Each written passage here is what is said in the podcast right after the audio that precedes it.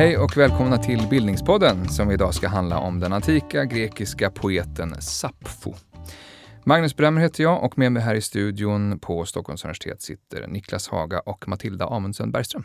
Varmt välkomna hit. Tack så mycket. Tackar. Niklas, du är klassisk filolog. Det kan vi förresten prata mer om senare, vad det innebär. Eh, verksam vid eh, Stockholms universitet och också översättare. Matilda, du är eh, litteraturvetare vid Göteborgs universitet och har nyligen disputerat på en avhandling om bilden av Sappho i tidig modern tid kan man säga. Det ska vi också prata mer om. Men först, Matilda, vem var Sappho? Ja, det är ju en, en både svår och bra fråga faktiskt. Eh, för även om det finns jätte, jätte, jättemycket så historier och berättelser och myter och så om Sappho så finns det väldigt lite som vi vet med säkerhet. Eh, och det är ju framför allt för att hon levde för så väldigt länge sedan.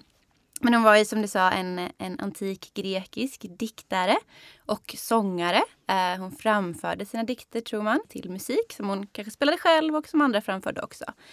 Eh, hon levde på ön Lesbos, idag känd från eh, flyktingförläggningar framförallt. Eh, någon gång sent 600-tal, tidigt 500-tal före Kristus ungefär, så drygt 2 500 år sedan. Och där skrev hon då poesi, en del till eh, olika gudinnor, Afrodite och bland annat kärleksgudinnan. Eh, och andra mera personliga kärleksdikter och så. Eh, hon är väl kanske också den allra mest kända kvinnliga diktaren och poeten i den europeiska litteraturhistorien. Mm. Tack för det. Niklas, kan du ge en bild av eh, Sapphos diktning? Nej. Det kan jag inte, kort sagt. För det, vi har väldigt lite kvar av den. Jag kan ge en bild av det vi har kvar och av det vi tror eh, en gång fanns.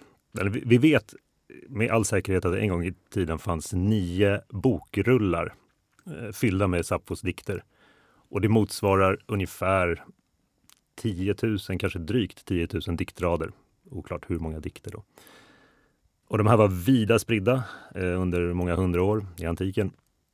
Men idag har vi alltså ja, 100 brottstycken kvar av de här eh, nio eh, fylliga rullarna. Så om vi vill läsa Sappo idag är de här, de här eh, brottstyckena som vi har att, att vända oss till. Mm. Men vi har också andras, eh, eh, andra författares bilder eller reaktioner på, på de texter som en gång i tiden fanns. Och in, inte då huvudsakligen från hennes egen tid utan lite senare? Precis, vi har ingen ingenting i stort sett från hennes egen tid eller ingenting alls. Och inga, inga vittnesmål om hennes framförande eller något sånt? Nej. De här nio rullarna, var, var kommer den uppgiften ifrån? Vad, vad... De, kommer, de kommer från, de här rullarna sammanställdes på eh, 200-talet före Kristus, det vill säga 300-350 år efter att vi antar att Sappho dog. Då. I eh, staden, den nygrundade staden Alexandria i Egypten med det kända biblioteket? Med det kända biblioteket. Och, och eh, de här rullarna framställdes, ska jag vilja säga, i anslutning till det här biblioteket på, något, på ett eller annat sätt eh, och blev en sorts standardtexter tillsammans med många andra standardtexter på, på grekiska. Homeros mest känt, men det finns många, fanns många andra. Mm. Kontinuerligt läst under ja, i alla fall 700 år av många människor och sen egentligen aldrig har slutat läsas heller. Så det är när, tillgång på den här, eh, alltså diktningen i den här mycket mer fullständiga versionen som man också har reaktioner på poesin. Trots att de här rullarna inte är kvar idag då. Ja, men vi har även reaktioner tidigare. Vi har många reaktioner på Sapfos diktning, eller många, vi har förhållandevis många, från, från 400-talet före Kristus, från det Eh, klassiska, så kallade klassiska Aten. Mm, Okej, okay. vi återkommer till det. Eh, Matilda, du, du sa att hon kanske är den mest betydelsefulla kvinnliga poeten i världslitteraturhistorien. Jag vill säga något mer om det, om just Sapfos betydelse. Ja, men jag tycker att det är ganska talande att um, i en bok som heter uh, The Western Canon, skriven av Harold Bloom, som är en sån riktigt uh, stor klassisk litteraturvetare, uh, så säger han att det finns två kvinnliga poeter som är de, de starkaste av kvinnliga poeter. Och det är då enligt honom Sappho och Emily Dickinson. Mm. det är väldigt gulligt.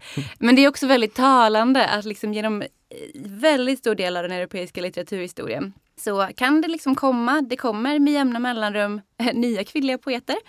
Och det är liksom alltid Sappho och den här andra tjejen då. Mm. Eh, och liksom i 1500-talets Italien så är det Sappho och en italiensk 1500-talstjej. Och i engelska 1800-talet så är det Sappho och en engelsk 1800-talstjej. Eh, så liksom den andra tjejen byts ut eh, men Sappho är alltid kvar. Hon fungerar alltid som ett sätt både för de här kvinnliga poeterna och för andra som skriver om dem. Eh, och liksom legitimera kvinnligt skrivande och säga att det finns. Och det finns en väldigt stor liksom, kreativ kraft eh, runt henne överhuvudtaget. Så hon har en väldigt betydelsefull roll i litteraturhistorien som person också. Oavsett hennes dikter. Eh, och sen så tillkommer ju det, men som Niklas sa så finns det ju väldigt lite kvar. Eh, och det fanns ju ännu mindre kvar då på till exempel 1500 och 1600-talet som jag har jobbat med än vad det finns idag. Så där är hon verkligen både en eh, förebild i kraft, som en, en feministisk förebild, kvinnlig pionjär, men hon går också uppenbarligen mot litteraturhistoriens uh, gubbar. Ja men precis, och det är det som är så himla fascinerande med henne tycker jag, att hon är liksom alltid eh, Ja, men man gillar väl undantag som bekräftar regeln, tänker jag. Gubbarna menar du? Ja, men, mm. ja, vem som helst egentligen. Mm. Men att hon ändå väldigt ofta accepteras och framhålls. Eh, ja, men som Niklas sa att eh, i Alexandria så är hon också med i den här, ja, men det som blir någon sorts kanon av stora diktare och stora poeter. Mm. Hon är liksom den enda kvinnan egentligen som eh, accepteras och framhålls och lyfts upp under så lång tid, så kontinuerligt. Mm. Eh. Är ju, hon är nästan en mytisk figur, mm. trots att hon också är en historisk eh, Eh, person. Förstås. Men hur mycket handlar om det här inflytandet på senare litteratur om, om just den här figuren, portalgestalten som hon är och om det vi faktiskt har kvar av hennes poesi. Enkelt, om man ska sammanfatta det här väldigt enkelt så, så, eh, och överdrivet så har hennes diktning som sådan ett enormt inflytande på litteraturen och så under antiken. Medan det i modern tid är frånvaron av den här diktningen som har varit enormt inflytelserik. Hur, hur då menar du? Eh, under antiken, så det, det, det råder ingen tvekan om att, att det här är förbannat bra poesi.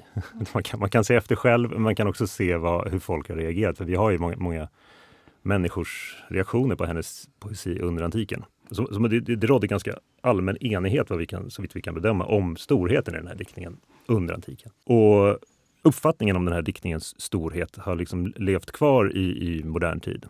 Eh, men, men eh, problemet har, det har ju varit att vi har ingen diktning, eh, väldigt lite. Vi har, som Matilda sa, så har vi mer diktning idag än, än man hade för ja, egentligen bara tio år sedan. Mm. för den senaste, den senaste Sappho-dikten eh, publicerades för bara sex år sedan, 2014. Det kommer, vi hittar nya dikter i Egyptens ökensand. Mm. Men vad, Sappho, Sappos, ryktet om Sappho som person och ryktet om hennes diktning har varit enormt inflytelserik på, mm. i, i, modern tid. Skulle jag, säga. Mm. Men jag håller med om det. Samtidigt som, eh, som jag ser det så blir det ändå, det händer ändå någonting när ett par av Sappos dikter tryckpubliceras i mitten av 1500-talet. Mm. Och det händer ändå också någonting med hennes betydelse när man får den här dikten. För att man håller ju med. Man tycker ju även då att det var ja, men förbannat bra dikt helt enkelt. Mm. Så även om det finns väldigt lite så är den även då väldigt upplyft. Eh, sen så håller jag helt med om att eh, berättelsen om Sappho lever alldeles oavsett vilka mm. dikter som finns. Eh, och sen så är en, en rolig egenhet i Sappho-receptionen det här att Ovidius, en, en antik romersk författare, skrev ju ett antal brev, eller han skrev en väldigt populär samling hjältinnebrev, där det då finns ett brev som sägs vara från Sappho eh, till en, en ung manlig älskare som hon ska ha haft. Och den här, det här brevet blev ju liksom också del i, i vad man tänkte sig, i vissa cirklar i alla fall i Europa, att Sappho hade skrivit.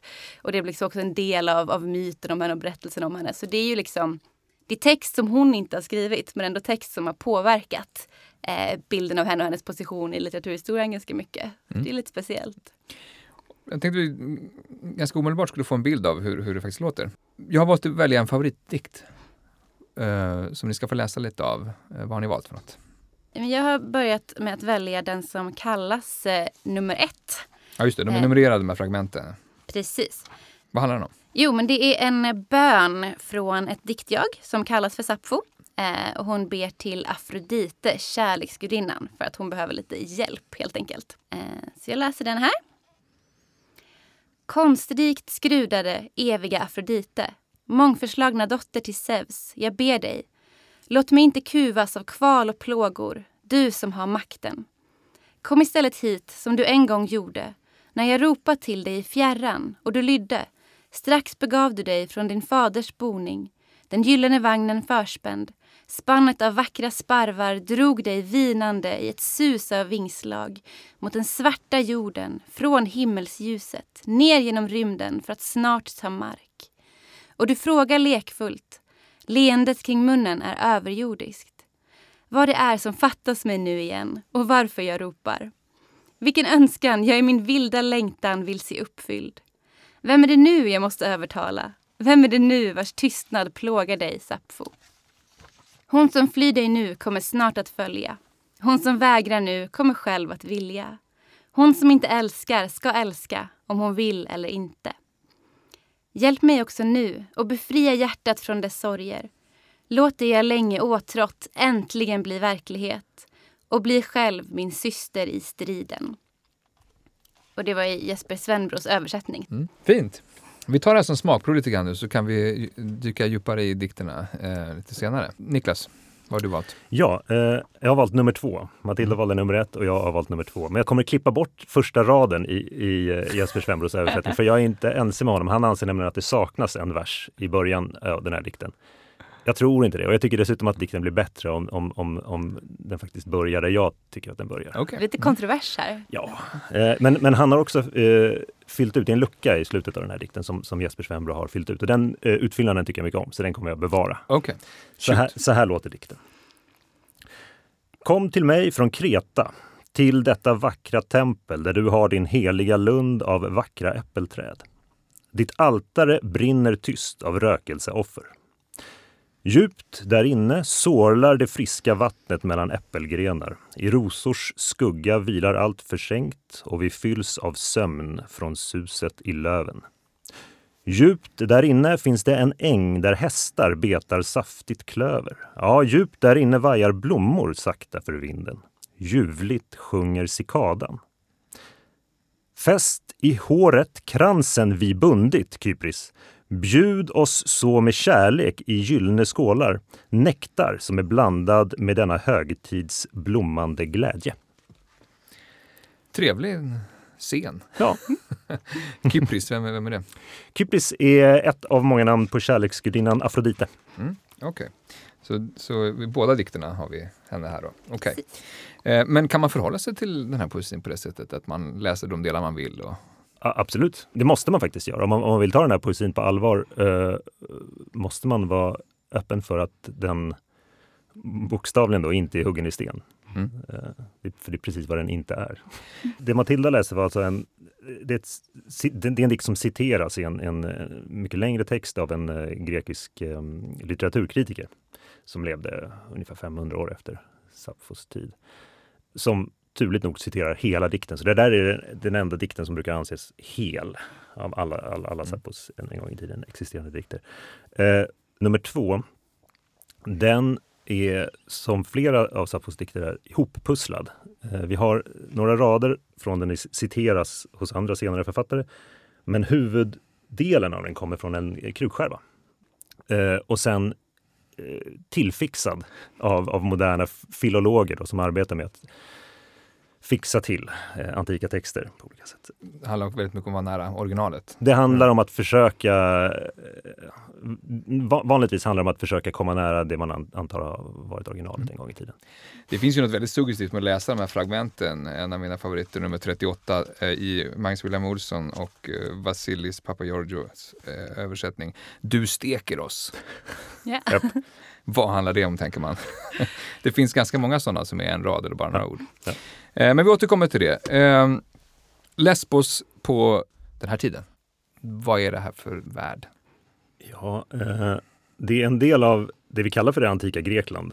Eh, som, som absolut inte var ett land på något sätt, utan eh, kan beskrivas kanske som en, en kultursfär eller, eller ett, ett nätverk av, av en massa små städer, stadsstater. Så de här eh, stadsstaterna var dels väldigt politiskt väldigt säregna entiteter som eh, styrdes av ett, vid Stappos tid, av en så kallad tyrann, en, en envåldshärskare som hade stöd från en stor del av befolkningen. Eller så, så styrdes de av en eh, oligarki eller aristokrati, vi kan välja vilken grekisk namn vi vill sätta på det här. Eh, och det var ofta maktstrider mellan de här två eh, kategorierna av eh, styrande. Så även på Lesbos. Och vanligtvis brukar man anta att Sappho tillhörde en så kallad aristokratisk familj som eh, kämpade om makten mot en eh, tyrann. Mm. Han är inte ond, han är tyrann är ett grekiskt ord, neutralt ord, vi kan säga kung istället. Ändå har man en bild också att det här är platser där, där konsterna och just sång och musik hade en viktig plats. Var det så? Eh, jo men absolut. Det fanns ju en, eh, en livaktig sång och diktartradition som Sappho verkade i. Eh, så hon var inte ensam på det sättet. Sen vet man, Niklas kan nog mer om det här än vad jag kan, men eh, man vet ju inte. Hon är, Sappho är ju den, den kända kvinnliga diktaren som fanns, men man antar att det kan ha funnits fler också. Mm. Det finns ju bland annat att eh, Sappos mamma och dotter heter båda Kleis av ett grekiskt ord, kleos, eh, som betyder poetiskt arv eller poetiskt eftermäle eller så. Mm. Eh, Så det kan ha varit en diktarsläkt? Ja, men man, eventuellt, det vet vi som sagt var inte. Mm. Men visst, det fanns, eh, det fanns väldigt mycket poesi och mycket eh, i rituella och religiösa sammanhang. Eh, och så också där man använde sång och dans i kombination på olika sätt. Mm. Okay. Man brukar tala om den grekiska sångkulturen som ett fenomen i sig. Det, var, det, det, det antika Grekland är absolut inte unikt på något sätt eh, i det att det, man, man, man sjöng mycket. Att sång, sång, sång och ordkonst spelade en väldigt, väldigt central roll för, för hela livet. Eh, men det är den här, just den, den antika grekiska sång och ordkonsten i vid mening, alltså som, den var i stort sett aldrig nedskriven vid den här tiden, utan, utan den, den var vad vi kallar för muntlig. Eh, den, den spelade en stor roll för antika Grekland och det är sen den här i sin tur den här delar av den här eh, sångkulturen som har blivit litteratur, som blev till litteratur. Som Mm. sen har så, lagt grunden för, på många sätt för det vi idag kallar för litteraturhistorien, den västerländska litteraturhistorien. För mycket av det man har kvar, i, också i Sapphos fall, handlar väl om just tillfällesdikter skrivna till eh, fester, eh, bröllop, ritualer. Kanske. Kanske. Kanske. Kanske. De är absolut, alltså de här sångerna eller, eller framträdandena eh, var, eh, som förekommer i den grekiska världen var ju kopplade till specifika sammanhang. Eh, ibland vad vi skulle kalla för festivaler eller, eller Guds, eh, gudstjänst är fel ord, men någon form av, av eh, firanden av, av en eller annan gud. Bröllop, också så kallade symposier, vilket är ett intressant eh, kapitel i sig vad gäller Sappho. Det är alltså dryckesfester eh, där deltagarna dricker vin och eh, sjunger tillsammans. Eh, varför är det intressant? Jo, eh, för att eh, sy- symposiet eller, eller gästabudet som, som det heter, som, som är namnet på en, en dialog, en av Platons dialoger, där eh, antikens mest kända symposium eller gästabud iscensätts. Hela fenomenet, symposiet, var väldigt centralt för en, för en, en, grekisk aristokrati, manlig aristokrati. Och det har länge ansetts vara en, en manlig institution som är förbehållen män. Men i Sappos diktning förekommer, det förekommer dikter som av allt att döma är sympotiska, tänkta att användas i symposier. Så då dyker frågan upp om huruvida det fanns kvinnliga symposier också, eller om kvinnor var med på symposier. Vi vet ju väldigt lite om det här. Mm. Men, men det verkar finnas skäl att anta att, att det i alla fall på Lesbos under Sappos tid fanns någon form av, av kvinnliga symposier där kvinnor drack vin och sjöng. Ja. Det är ju en, en, en, en plats, alltså Les, Lesbos eh, har ju ett namn till lesbisk kärlek det är kopplat till homosexualitet. Eh, Sapfisk kärlek kan man också tala om. Mm. Hur kommer det sig? Ja, ehm, jo men så, alltså redan i de här eh, antika källorna, men som då är eh, nyare än Sappos egen poesi, så finns det ju olika typer av, eh, eller man skriver om att eh, eh, hon även hade erotiska relationer, eller man vet ju inte riktigt, erotiska, kärleksfulla, på något sätt relationer till eh, kvinnor som omgav henne eh, i någon sorts grupp. Eh, man vet inte riktigt vad det var för grupp. Mm. Eh, Man tror att hon ledde någon sån eh, kvinnlig gruppering. Ja, Det finns sådana teorier, men det Okej. vet vi inte heller. Mm. Och de teorierna har också sett väldigt olika ut genom århundradena. Men precis, i alla fall. Eh, Det är tidiga rykten. Och det finns ju såklart också en grund till det i Sapfos egen eh, diktning, eller i hennes sånger.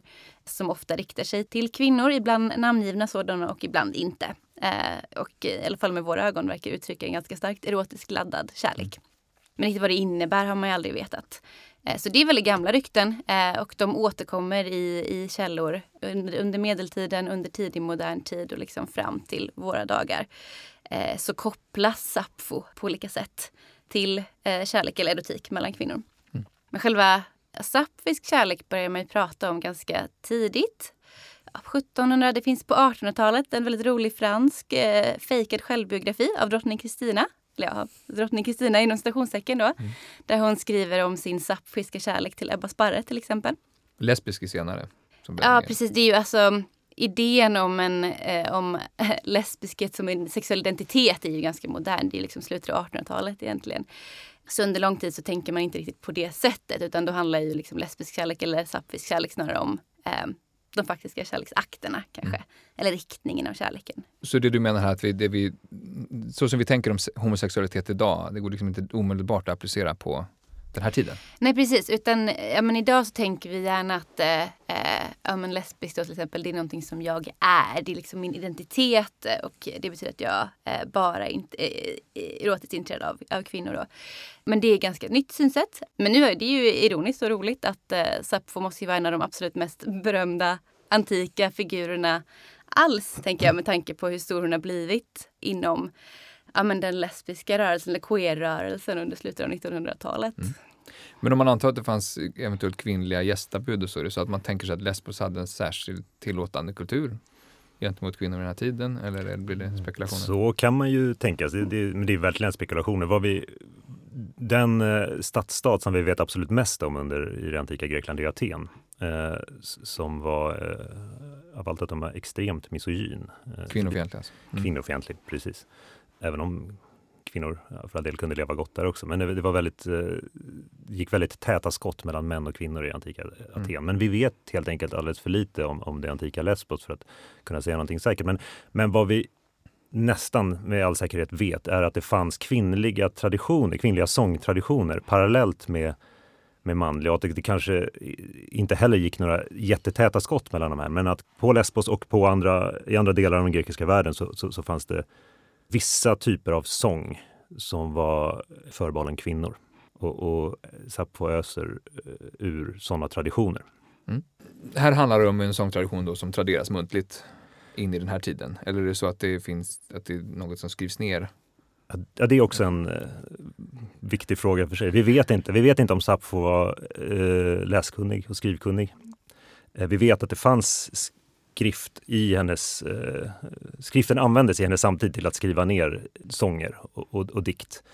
Men eh, om, om, hon skrev ner det själv, om hon var medveten om att hennes dikt skulle skrivas ner eller om någon annan eh, om hon skrev ner Det vet vi helt enkelt inte. Om, om den, den kanske spreds muntligt under någon generation och sen skrevs den ner. Mm. Vi har ingen aning. Men i eh, det antika Aten så, så, fanns den nedskriven i alla fall. Mm. Så vi, det finns krukmålningar där, där det står Sappho ovanför en kvinna som sitter med en bokrulle skriver, mm. och skriver. Okay. Ja. Mm.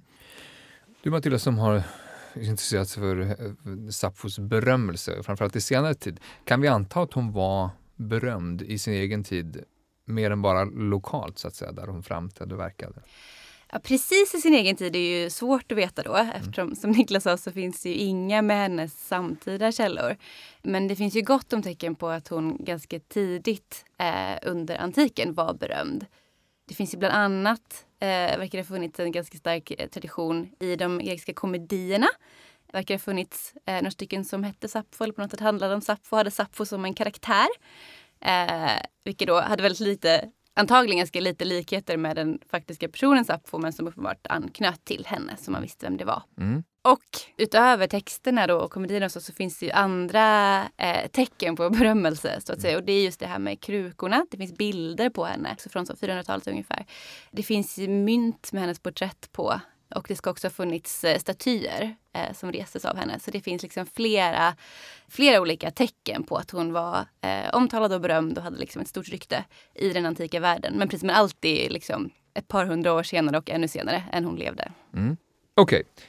Sappos fragment 31 eh, brukar väl kallas en av den västerländska litteraturens mest berömda kärleksdikter. Kanske ska börja med att säga någonting om, om uh, i vilket skick man har funnit detta, eller varifrån kommer själva original, originalet? Eh, original är kanske ett ord man ska vara lite ja, eller aktsam med när det gäller antik litteratur överhuvudtaget. Men, men vad är källan till det vi läser idag? Källan till det vi läser idag är en eh, handskrift från 900-talet efter Kristus. Eh, från eh, det bysantinska riket, från Konstantinopel. Dikten citeras i en, en lång text, eh, litteraturkritisk text som, som vi brukar kalla för Om det sublima. Den senaste svenska översättningen heter Om litterär storhet. Eh, och författaren som inte vet vad han heter, vi kallar honom för Longinos, eh, han hette med all säkerhet någonting annat.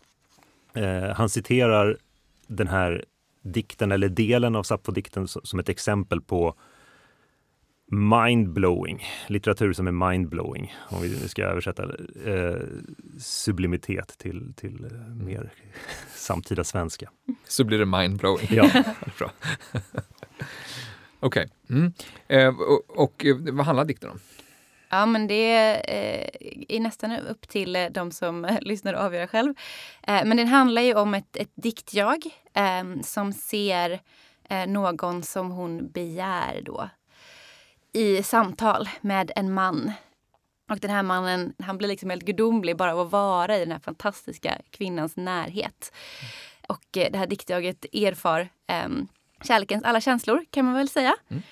Vi kanske ska vi, vi, läser den i sin helhet. Vill du läsa den på svenska och så kanske Niklas kan läsa den på grekiska sen? Mm. Plötsligt framstår han som en gudars like. Just som han ska sätta sig mitt emot dig. Alldeles intill. Och jag ser dig viska, ömt och förälskat. Brista ut i skratt. Men i mig slår hjärtat bultande som ville det spränga bröstet. Möter jag din blick en sekund går rösten genast förlorad. Tungan vägrar lyda den fina elden går som en signal genom hud och nerver. Allting suddas ut för min syn. Jag hör hur öronen susar. Kallsvett bryter fram och en häftig skälvning griper mig till slut när jag känner färgen vika från min kind. Jag blir själv med ens en döendes like. Det är också i översättning av Jesper Svenbro. Kan du läsa lite en, annan översättning som vi har på bordet? Eh, Magnus William Olsson, Vasilis pappa Giorgio. Bara mm. för att, första strofen är så, bara så vi får en uppfattning om, om hur, hur skilda översättningarna kan vara. En gudars like tycks mig den mannen vara som sitter framför dig och nära intill kan höra din ljuva röst och ditt underbara skratt. Och sist, slutet kanske också. Ja, just det. Det är spännande. Hela min kropp, jag blir grönare än gräset och det tycks mig som om döden vore nära. Men allt ska man våga. Ty även en fattig... Punkt, punkt, punkt. Mm, Okej. Okay. Eh, Niklas, innan du läser det grekiska, kan du säga någonting om varför att, att det kan bli så olika? Översättningsmässigt? Ja. Eh, ja, det finns väl två huvudskäl. Eh, dels så blir översättningar alltid eh, olika eftersom det är olika människor som översätter mm. en och samma text. Men, Särskilt poesi då kanske? I synnerhet poesi och i synnerhet eh, bra poesi. där, där orden är väldigt kompakta i sig. Men här, det finns ytterligare en, en, en, aspekt som vi redan har varit inne på. Det är möjligt att översätta olika texter. Texten kan, den faktiska texten man översätter när det gäller antik litteratur kan skilja sig åt, och i synnerhet när det gäller Sappho. Och den, just den här dikten kan man ha två åsikter om. Man kan anse den vara en, en, en mer eller mindre färdig dikt eller så kan man anse att den inte är slut där den slutar utan att slutet är bortklippt och att vi har första raden på ytterligare en strof. Eh, så i första översättningen vi hörde där av Jesper Svenbro, där förekommer inte den här sista slutraden. Medan i den andra översättningen så förekommer den. Båda kan vara rätt. Det, man behöver inte eh, vara för eh, fokuserad på att ha rätt eller fel i de här fallen för att vi vet absolut ingenting om huruvida Sappho skapade en enda version av en och samma dikt. Mm. Eh, och vi har också hittat papyrer från eh, 200-talet före Kristus där, där det verkar som att det förekommer olika versioner av, av en och samma dikt. Kanske improviserade lite också? Det kan absolut tänkas mm. ha hänt. Okej, okay. På grekiska då? På det här grekiska. är alltså, så här kan det ha låtit? Nej. Men det kan ha låtit mycket mer så här än, än det, det, vi hörde på svenska. Men nej. Eh, det verkar väldigt rimligt. Vi, vi vet hur, hur eh, den antika grekiskan lät på olika platser i antiken vet vi såklart inte. Vi vet vad, så, vad vi kan läsa oss till med hjälp av det grekiska alfabetet eh, och vi kan rekonstruera ljudet av enskilda bokstäver. Men det är liksom inte modern grekiska? Det är inte modern grekiska utan det är antikgrekiska. Eh, och det här är då alltså den, den aioliska dialekten. Men det, när man läser antikgrekiska på svenska så låter det ofta lite som finska. Så jag ska mm, okay. varna känsliga lyssnare. Paine taimoi känos isos teoisin emmen oner ottisen antiostoi isdanei kai plasion ady ponei saas ypakuei. Kai gelaisas imeroen. Tomäman kardianen stätisin eptoaisen. Oskar essi do brokeos me pones udenet eikei. Alla kamen glossa jage lepton, dautika kroi pyry padedromaken, oppatessi duden rem epiron beisida kuai. Ekkade midros kakke tai tromoste paisan agrei kloroterade poja semmi. Tetna kään doligopi daues painome mautai. Tjusigt. Ja. Eh, vill du säga något om, den, om, om bara de här första raderna? Som ju vi ju hörde Matilda läsa här och som lät lite olika i olika versioner. Ja, eh, vad som händer med det här diktjaget Mm. i korthet efter att eh, det har, har sett eh, på det här paret är att hela diktjaget går upp i limningen och, och det är sin, sinne för sinne som stängs ner kan man säga och, och pajar. Eh, och till slut så, så verkar det här diktjaget vara dött för sig själv. Mm. Det, det, det, diktjaget går från att betrakta det här paret till att betrakta sig själv gå sönder. Mer eller mindre. Dö av, av kärlek i stort sett. Mm. Ja, eller av begär Mm, kanske begär jag ska säga. Ja. Mm. Vill du säga något om de olika tolkningarna som har gjorts av, av det vi har hört här nu? Eh, Men absolut, jag kan börja med det här med, med översättnings... Eh, hur man har översatt det eh, när det blev tillgängligt då på, på andra språk än eh, på grekiska. Och då var det just det här att man behövde hantera... Um, man tänkte sig att diktjaget var kvinnligt. Man tänkte sig att det var, var Sappho själv som talade. Och det här blir lite komplicerat att hantera ibland. Så det som var väldigt vanligt var ju att eh, översätta så att det verkar som att objektet var en man. Att man älskade en, att det riktar sig till en man istället för till en kvinna. Då. Ja, men och det som, som eh, eh man har tagit fasta mycket på som har varit, eh, eh, som är väldigt vackert i den här dikten tycker jag, det är just det med, med de kroppsliga känslorna. Och i eh, Om det sublima som vi pratade om, det här eh, litteraturkritiska texten där det här lyfts fram som en väldigt bra dikt. Då är det också just förmågan att eh, Sappos förmåga att beskriva ytterligheter och liksom de extrema känslorna och sådär. Eh, och de här väldigt överväldigande upplevelserna som man kan få av, eh, av begär eller kärlek eller blixtförälskelse eller vad vi nu ska kalla det. Och det som var mindblowing. Ja men exakt. Det, ehm, när man ser någon och bara huh, eh, på något sätt. Och hur, hur väl hon gör det och får ihop det till en helhet på något sätt. Och precis de här sinnena en efter en efter en. Eh, så det är det som man har lyft upp väldigt mycket som, eh, som berömvärt med den här dikten. Eh, det är väldigt vackert. Men sen som sagt var ett stort tolkningsproblem som har funnits länge. Vad man ska göra av det som upplevs vara då en kvinnas kärlek för en kvinna. Just det. Det finns ytterligare en, en intressant aspekt av det här tolkningsproblemet. Det är nämligen så att den här texten som den citeras i 900-talsmanuskriptet är inte i perfekt skick. Den som kopierat den här texten har inte varit helt hemma i Sapfos dialekt och kanske inte heller i poesi, för att den är, den är mm, orytmisk. Den, här, den antika poesin är väldigt rytmisk. Den följer väldigt, väldigt tydliga pulser. Och som den här dikten är nedtecknad så, så stapplar den i rytmen. Eh, vilket gör att om man, om man vill ge ut den här eh, idag på grekiska så måste man rätta till olika passager så att, så att den passar i rytmen. Så, att, så det jag läste på grekiska nu är alltså en, en modern justering av, av den dikt som, som står i det här 900-talsmanuskriptet. Och det finns ett, ett, ett litet passage. Det, det, det är ju utan tvekan så att diktjaget eh, tilltalar kvinnan i första strofen. Men i andra strofen finns det en rad där diktjaget säger när jag ser på dig. Så står det inte i eh, Eh, manuskriptet utan det står någonting som uppenbarligen är fel som man måste justera. Det här dejet eh, har man satt dit eh, mer eller mindre vanemässigt sedan tidigt 1800-tal. Men det vetenskapligt mer, eh, vetenskapligt mer rimliga lösningen är att ha en, en grekiska som betyder när jag ser på det här. Det vill säga när jag ser er två som sitter mitt emot varandra. Då går jag sönder. Eh, väljer man den lösningen så, så blir det här, den här dikten inte alls så uppenbart eh, lesbisk i, i bemärkelsen att, att, att det är just i det kvinnliga eh, kvinnan som diktjaget är, är förälskat, utan det är, det är en, en situation, en, eh, någon form av erotisk situation. Mm. Och det här eh, för oss till en av de mest intressanta aspekterna av den, den sapfiska dikten. Dikten som sådan lägger fokus på begäret i sig, inte så mycket på objektet. Och det här kan vara en hemlighet till att, till att dikten har kunnat överleva så, så länge och varit så effektiv.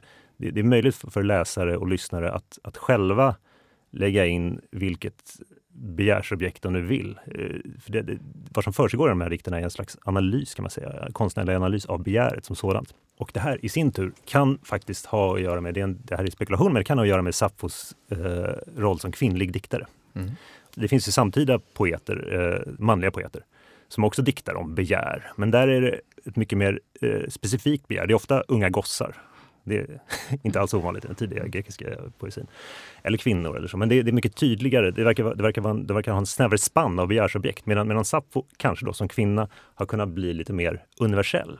Åt lite alla håll? Åt lite alla håll. Det är själva, själva begäret, eller det som på grekiska då heter eros. Mm. Det riktar också eh, fokus på språket i sig. Ja. Alltså språket som brister. Ja. Språkets gräns någonstans. Är det någonting som, som finns i det grekiska också? I, I allra högsta grad. Det finns på, på flera plan. Dels så om man, om man tittar på den här texten på grekiska så ser man att i, i första raden så förekommer inga fnuttar. om man ser på den. Fnuttar? Eh, fnuttar apostrofer. En, en fnutt betecknar en, en vokal som har trillat bort ur texten. Mm. Så kan man göra på grekiska. Ungefär som man kan på, på, engelska kan säga we are och we're, eller it's och it is. Eh, på samma sätt kan man på grekiska eh, ta bort vokaler när man vill. I första strofen där allting är frid och fröjd eh, finns inget sånt. Men i andra strofen, när allting börjar gå åt helvete, då trillar vokalerna bort en masse. Språket börjar stamma eh, i sig. Den iscensätter det den också beskriver? Den iscensätter det den beskriver. Och det börjar också syntaxen, alltså själva grammatiken, börjar luckras upp. Eh, så, så, om man läser översättningar som har en perfekt grammatik med snygga punkter och fullständiga meningar och sådär, så kan man bli, ska man bli lite misstänksam. Mm. Mm. Eh, ja. Eh, det är väl också en så kallad sapfisk strof? Den här dikten? Ja. ja. Berätta vad, vad en sapfisk strof är för någonting. En Sapphic-strof, ja men det är precis sådana här strofer då som eh, är uppkallade efter Sappho. Sappho skrev många av dem. Och det ser ut, nu kan man ju inte se i en podd tyvärr. Eh, men det är just så här då att det är först eh, tre rader och sen en fjärde rad som är som ett litet bihang till den tredje raden. Kan man säga. Och så en viss mängd betonade och obetonade stavelser. Exakt, en viss mängd stavelser. Så de ska vara viss långa och ha en viss rytm. Mm. Eh, så det blir väldigt så. Och det är därför man kan säga att det är precis antagligen något fel här då. Eh, om det stapplar.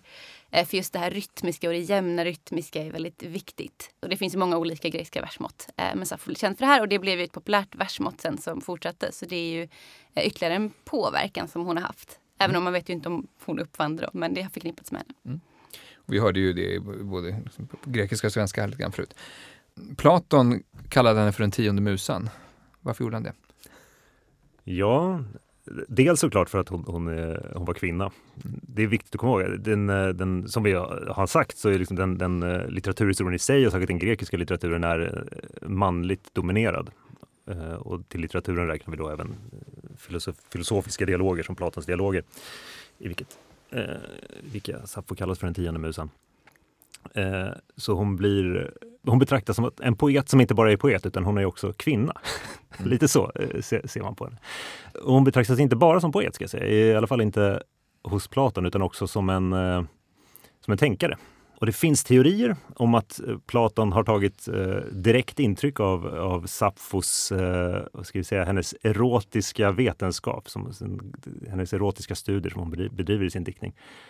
Till exempel Jesper Svenbro som är en, en eh, framstående svensk eh, antikforskare har skrivit om hur eh, Sapfos ord eller beskrivning av självmedvetandet i samband med eh, den erotiska erfarenheten eh, går igen i, i, hos Sokrates. Mm.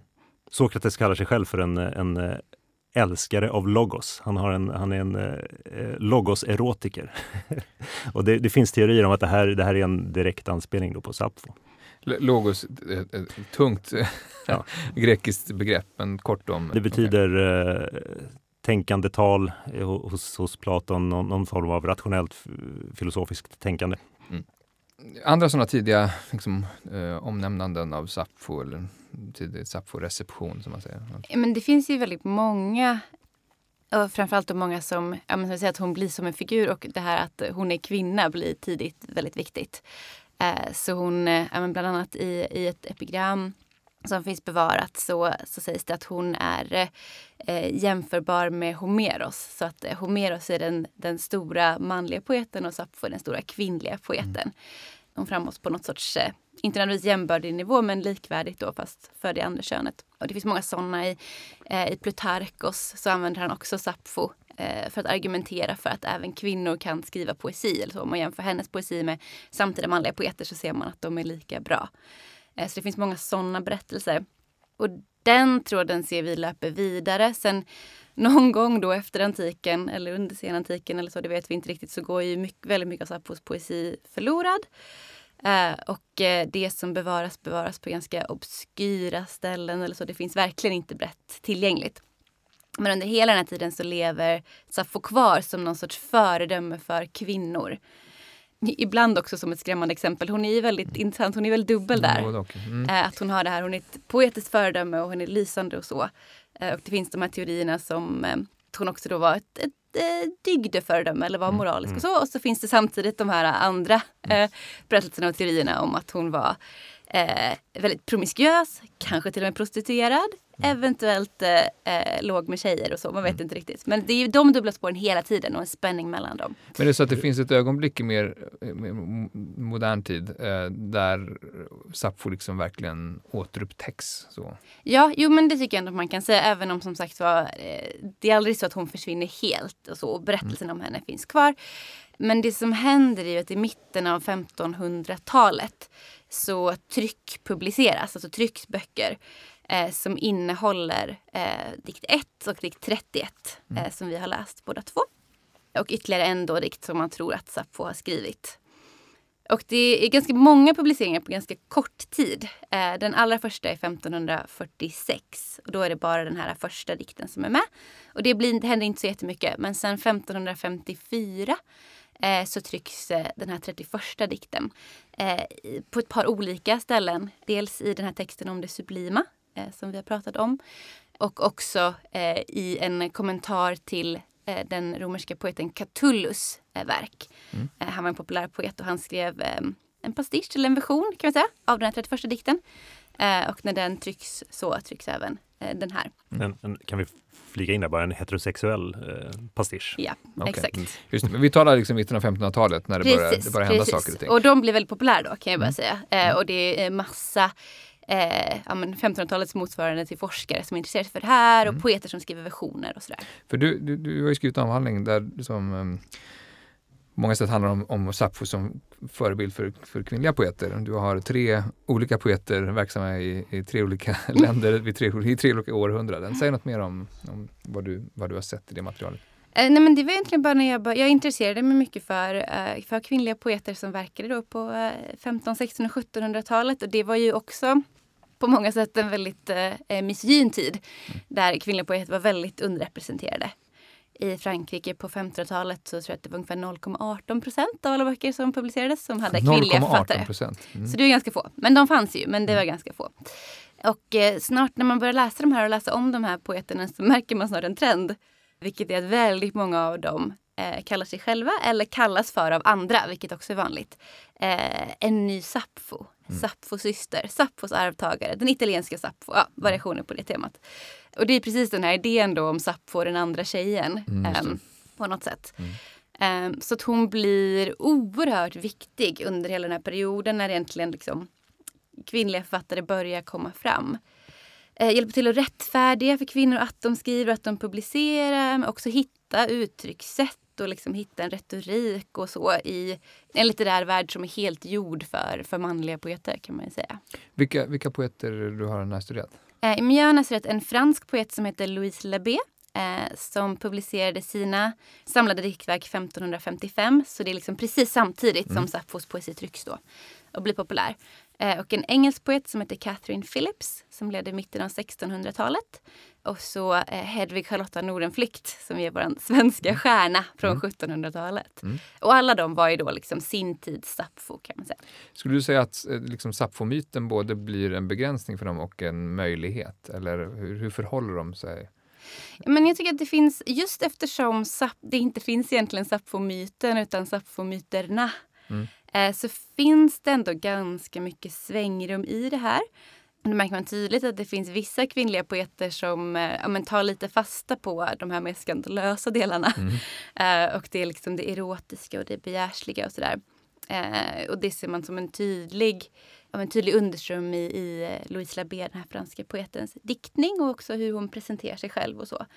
Eh, samtidigt som det finns de här andra mera ja, men mindre skandalösa, mer så eh, normcore eh, av Sappho-myten eh, som andra poeter som kan använda. Till exempel Catherine Phillips då som eh, framstår som en mycket eh, dygdigare och mer moraliskt god poet och så. Mm. Men det funkar liksom lite på olika sätt. Är det så att man kan läsa de här eh, poeterna och känna att man lite grann spelar med den där dubbelheten? Så, mm, att det kan dölja sig något mer skandalöst under vad som man ändå skulle kunna tolka som det. Ja, jo men eh, absolut. Det blir olika för, för olika poeter Mm. kan man säga. Men, eh, men en sån bra exempel är just den här Catherine Phillips från England då, som är väldigt fascinerande som precis som Sappho eh, skriver väldigt, eh, väldigt drabbande om sitt eh, kroppsliga, kroppsliga upplevelserna av eh, kärlek eller begär för andra kvinnor. Framförallt två andra kvinnor. Eh, och det här är ju en tid när det definitivt eh, inte var som i antika Grekland riktigt då. Eh, men heller inte som, som det är idag, som synen på lesbiskhet och så är idag. Mm. Eh, utan det var ytterligare ett sätt som man kunde se på erotiska relationer kan man säga. Mm. Eh, och där finns ganska många beröringspunkter faktiskt med hur, hur eh, Sappho förhåller sig till eh, kärleken eller erotiken. Eh, men ändå lyckas hon då accepteras som en, en förhållandevis oskandalös poet. Mm. Det är fascinerande. Eh, den här samkönade kärleken eller eh, erotisk längtan riktad till kvinnor, är det någonting som eh, Sappho-receptionen har liksom tvingats förhålla sig till i senare tid? Genom historien? Ja, i allra högsta grad skulle jag säga. I alla fall i, i den moderna Sappho-forskningen så eh, har det skett en, en enorm, det skedde en stor vändning i slutet av 1900-talet kan vi säga. Innan, innan eh, någon gång 1970 säg, så var Sappho oftast, eller mitten av 1900-talet, så var han oftast framställd som, en, eh, en eh, sedlighetslärarinna eller någonting sånt. Det fanns, det fanns såklart avvikande åsikter, men, men det, var en, det var en ganska eh, vanlig ståndpunkt bland eh, antikforskare. Säg något mer om vad du menar med, med det sedliga. Det sedliga, hon var en, en, en skolfröken skulle vi kunna säga, en, eh, som eh, hade elever, vilka hon undervisade. Eh, aristokratiska flickor då, som, som fick lära sig sjunga och, och dansa eh, och spela musik eh, för att sen kunna giftas bort dyrt. Ungefär så. Och, och hon själv då lyftes ofta fram som en, som en, som en idealgestalt, vilket, vilket många antika gestalter gjorde, antika grekiska gestalter gjorde, gjorde i skolan och också på universitet på 1800-talet. Man lyfte fram dem som, som en slags eh, förebilder, etiska förebilder. Men, men att viljan att göra det här med Sappho går tillbaka på tidigt 1800-tal och en viss, eh, på sin tid framstående filolog som hette eh, Friedrich Gottlieb Welker. Han var tysk som de flesta framstående filologer var i början av 1800-talet. Eh, och han fick idén att rensa bort vilket var en väldigt vanlig idé vid den här tiden, att rensa bort all fiktion från, från Sappho. Göra sig av med alla, alla föreställningar om, eh, om eh, Sapphos biografi och så vidare. Hon var fram till eh, tidigt 1800-tal så var hon under hela tiden modern tid, som Matilda redan har varit inne på, så var hon liksom, hon sågs som en eh, heterosexuell kvinna. Eh, det var inte särskilt mycket fokus på hennes poesi överhuvudtaget egentligen i biografin utan hon, hon var mer en, en, en, en äldre kvinna som var olyckligt kär i en man. Det har jag inte sagt heller. Men det var, så det skrevs långa romaner om hennes liv och så på 1700-talet. Men den här filologen då, Welker, han ville göra sig av med allt det här bjäfset och gå tillbaka till eh, realian, det som faktiskt eh, dolde sig då bakom de här myterna. Och, och vad han gick till var då texterna, eller fragmenten av de texter eh, som han hade att tillgå då.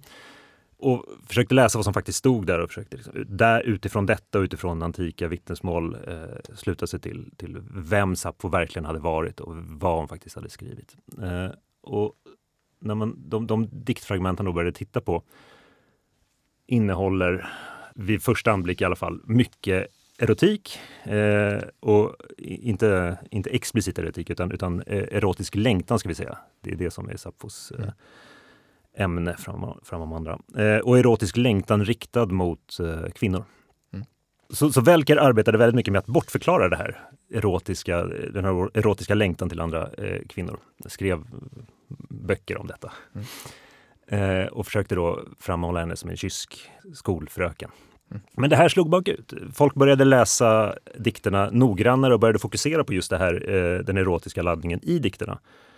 Eh, och det här skedde då parallellt med att hela den moderna föreställningen om, om sexualitet som någonting som har att göra med ens, med ens personliga identitet. Eh, den föreställningen växer fram under 1800-talet parallellt med att man börjar läsa de sapfiska dikterna mer intensivt egentligen. Om läsningen blir mer spridd. Eh, så och I senare decennier så är just den här eh, erotiska längtan till kvinnor någonting som också har fascinerat med Sappho och ja, fram med det. det. För att knyta an till eh, vad jag sa i början så är det i slutet av 1900-talet så, så, så, som också Sappho-forskningen börjar eh, få upp ögonen för en lesbisk Sappho mer på allvar än en, en, en sexuell Sappho. Mm. Ja. Bara för att knyta an lite kort till det här också, en, en viktig bakgrund. Eh, en anledning att eh, allt det här bjäfset, eh, mm. som, som Niklas väldigt eh, välformulerat kallar det, eh, uppkom som också är intressant just i relation till framväxten av det lesbiska och Sappho, det är ju att man alltså från 1500-talets mitt ungefär när man började tryckpublicera Sapphos dikter och också översätta dem till de europeiska språken konsekvent felöversatte dikterna så att de verkade som att de var riktade till manliga kärleksobjekt istället för kvinnliga. Mm. Där sker också en förändring och det är först i, i slutet av 1800-talet som man börjar eh, översätta dem så att det framgår att det är riktat till kvinnliga kärleksobjekt istället. Ungefär samtidigt som den lesbiska identiteten börjar bli en grej. Så det hänger ju i allra högsta grad ihop med hur man har sett på sexualitet i Europa. Liksom. Eh, bilden av Sappo har fortsatt att fascinera uppenbarligen. Men när, när stötte ni senast på en sån här populärkulturell referens till Sappo? Eh, men jag för, förra veckan faktiskt. Okay. Eh, så, så lärde jag mig när jag var på puben eh, om ett nytt amerikanskt fenomen som heter Sappho and Sweat. Okay. Som alltså är någon sorts kombination av, det är som frigörande aerobics till Sappos poesi. okay. Vad har jag tänkt att det ska ge för effekter? Jo, men det är någon sorts utifrån en feministisk eller queer eh, grundsyn så tänker man sig att man ska koppla in till någon sorts kvinnlig erfarenhet eh, som traderas genom de här dikterna då, och någon sorts kvinnlig historisk urstyrka mm. eh, samtidigt som man, eh, som man svettas. Okay. Eller kropp. Ja, men det är ju, som Sappho skriver ju om de kroppsliga erfarenheterna och det blir ja. väl något sätt, att Nej, det, känna det. Då. Det låter logiskt precis. Ja. ja, man kan tycka Niklas, olika. har du något sånt? Inför det här programmet så gick jag nyfiken in och kollade på på nätet efter filmer på temat Sappho. Och, och, då kan man ju kanske gissa vad man får upp för film. Jag sökte på IMDB, det är en, en seriös eh, sajt. Antyder du förresten nu att det finns porrfilmer med Sappho? Ja, jag, jag lät antyda det. Ja. Eh, jag, Vi behöver inte gå in på det, men det finns. Nej. Eh, det finns enorma mängder skulle jag tro. Om, om, du, om man går in på nätet och söker så, så, är det nog det som kommer upp i första hand. det fanns redan, söker, på, söker på ja. fanns redan på 1500-1600-talet kan jag säga. Så det är också ja, en, en, gammal, inte filmer, ja. men Sappo-porr. Okay, okay. Ja, så, eh, så vad jag fick upp var en, eh, på IMDB då, var en, en, eh, en mycket mjuk eh, erotisk film från 68, eh, amerikansk där alla skådespelare har svenska namn. Okay. ja. Sappoporren på 1500-talet bara, det, det, det är då samkönat eh, sex? Eh, det kan vara både och också. Det finns ja. den här eh, Ovidius-myten om att hon var kär i en, en ung kille som hette Faun var väldigt populär. Mm. Eh, så det finns eh, det är som en liksom, tidig romanslitteratur eller vad ska man ja. också? Och precis, och som, som Niklas sa förut, det finns ju jättelånga romaner eh, om Sappho och hennes kärlekshistorier mm. och sådär. Eh, och det finns även om de här nya Sapfos. Så det är eh, fantasieggande. Mm. Vad är det som fascinerar framförallt med Sappho när ni läser idag?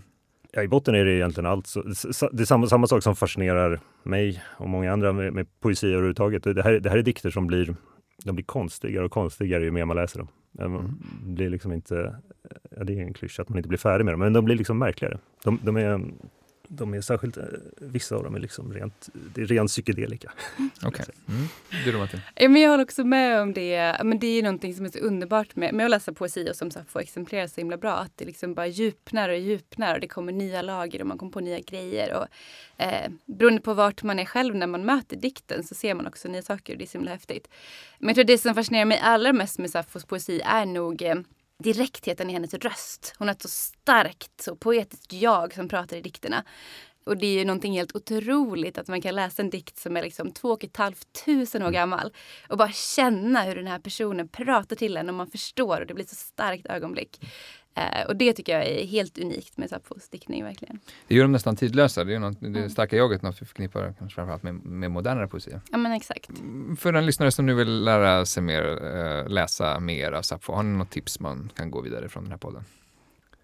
Ja, man kan ju börja med de utmärkta svenska översättningar som, som finns att tillgå. Vi har två volymer nu av, av eh, Jesper Svembro och Lars-Håkan Svensson som tillsammans har översatt eh, ett stort urval av dikter. Och så har vi också Magnus William Olssons och eh, Vasilios Papageorgios översättningar eh, på svenska som man kan läsa. På engelska eh, kan jag varmt rekommendera den kanadensiska poeten Anne Carsons eh, översättning här för de som vill, eh, vill läsa Sappho på engelska. Mm. Hennes poesi innehåller en del Sappho också. hennes poesi innehåller en hel del Sappho.